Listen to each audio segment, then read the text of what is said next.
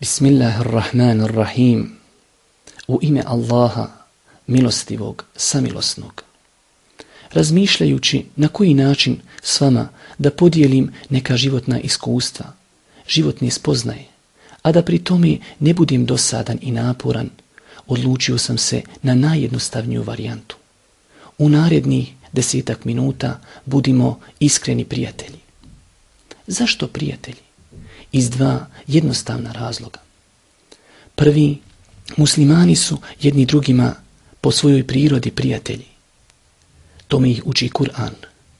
Drugi razlog je, jedino iskren prijatelj prijatelju može kazati sve šta misli o njemu, a da se drugi pri tome ne naljuti.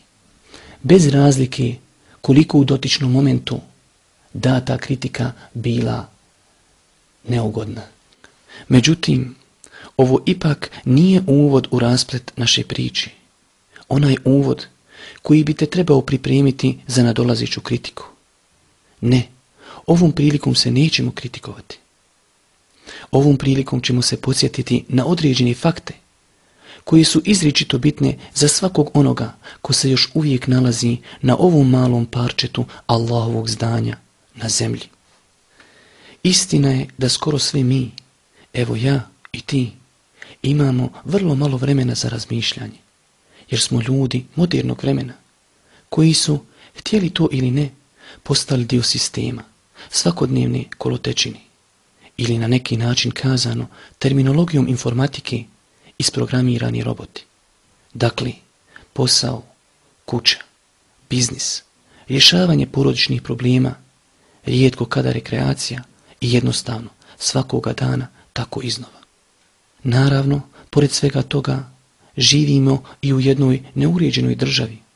U kakvim okolnostima u stvari moramo daleko više raditi i srljati za dunjalukom kako bismo opstali, nego što bismo to morali činiti u nekoj uređenoj državi.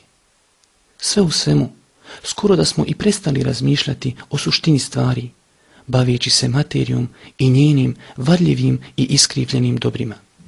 Evo, ti si mlad čovjek, ukoliko i nisi, nema vezi. Ovo pitanje tiče se i tebe. Kaži svom prijatelju iskreno koliko puta se u toku dana uspiješ osloboditi nametnutih okova ovog svijeta i počneš razmišljati o svom odlasku sa Dunjaluka, te o obavezama prema onome koji te stvorio, koji te doveo na ovaj svijet i koji će te jednog dana pozvati sa ovog svijeta pred kojim ćeš strogi i precizne račune polagati. Da, račune polagati. Baš za svaki moment kojeg si u besposlicama proveo.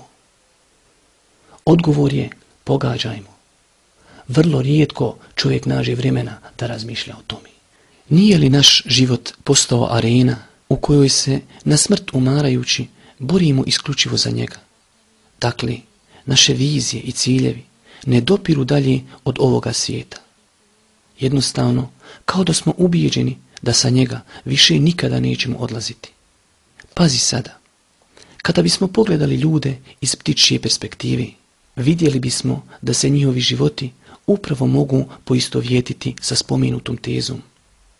Dakle, ta mala sičušna bića, zaokupljena pregrštom prašini, koji se Dunjaluk zove, iako su svakim danom svjedoci nestanka nečijeg života. Haman da su ubiježeni da baš oni sa njega više nikada neće odlaziti. Koji je li paradoksa? Međutim, istina je na drugoj strani. Ipak, htjeli mi to ili ne, bili mi spremni ili ne, valja nama jednoga dana seliti sa ovog dunjaluka. I to u džennet ili u džehennem. Između spomenutih prebivališta nema ništa drugo, to jest treće prebivalište. Hoćemo li priznati da pored šetana, koji nam je iskonski neprijatelj, naša velika prepreka da krenemo pravim putem, jesmo sami mi, odnosno naša ljenost. Nekako, kada se samo na sekund prisjetimo kako bismo, ukoliko bismo htjeli da budemo vjernici praktičari, morali pet puta na dan klanjati, alkohola se kloniti, tuđe žene ne gledati i tako dalje. Steknemo osjećaj da bi to izgledalo kao kada bismo čitav svijet na svojim prsima morali nositi. Dakle, istina je i po drugi put na suprotnoj strani. Jer pet dnevnih namaza ne prelazi ni pola sata na dan. Sam alkohol je i onako štetan i ukoliko ga nećemo prestati konzumirati zbog toga što ga je naš tvorac zabranio, onda ćemo to zasigurno učiniti onog momenta kada nam naš doktor saopšti da ukoliko želimo živjeti, moramo ga se podhitno okaniti. Dok zagledanje u komšine, odnosno tuđe žene, ne samo da je nemoralno, nego nas može i glavi koštati. Dobro, ukoliko smo konstatirali postojanje određenih poteškoća, kao oni da se nalazimo u kolotečini sistema iz kojeg ne možemo izići, naše ljenosti, te iskonskog neprijatelja, šetana, koji želi da nas u zabludu zavede.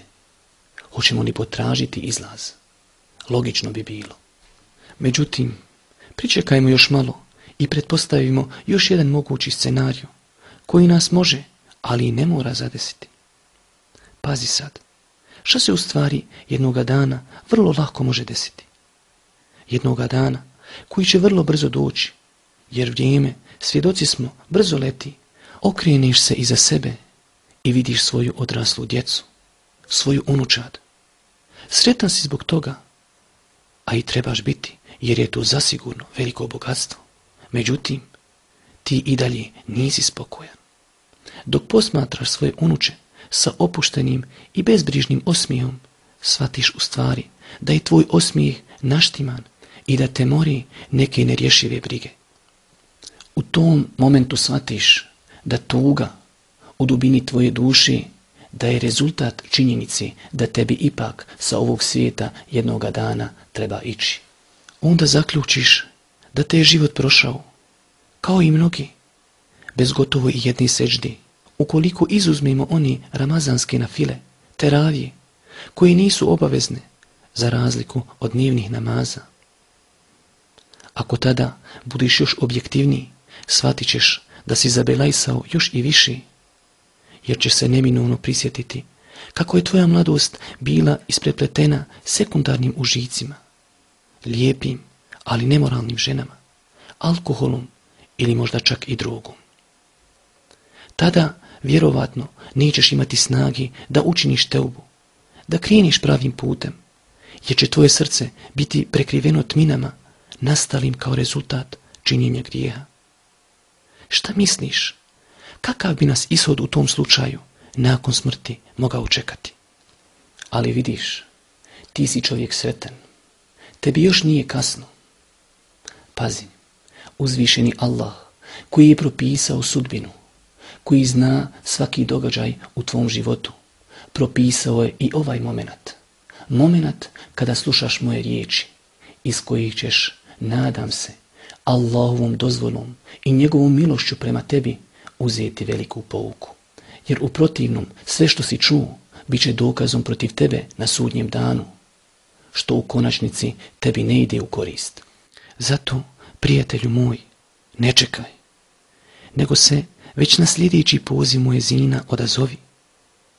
Ukrcaj se na lađu spasa, onu lađu koja jedino plovi ka vječnom odredištu, džennetu.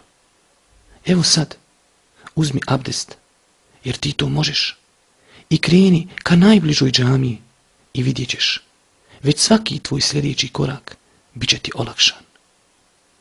Završit ćemo riječima uzvišenog Allaha, ali onima koji se pokaju i dobra djela čini.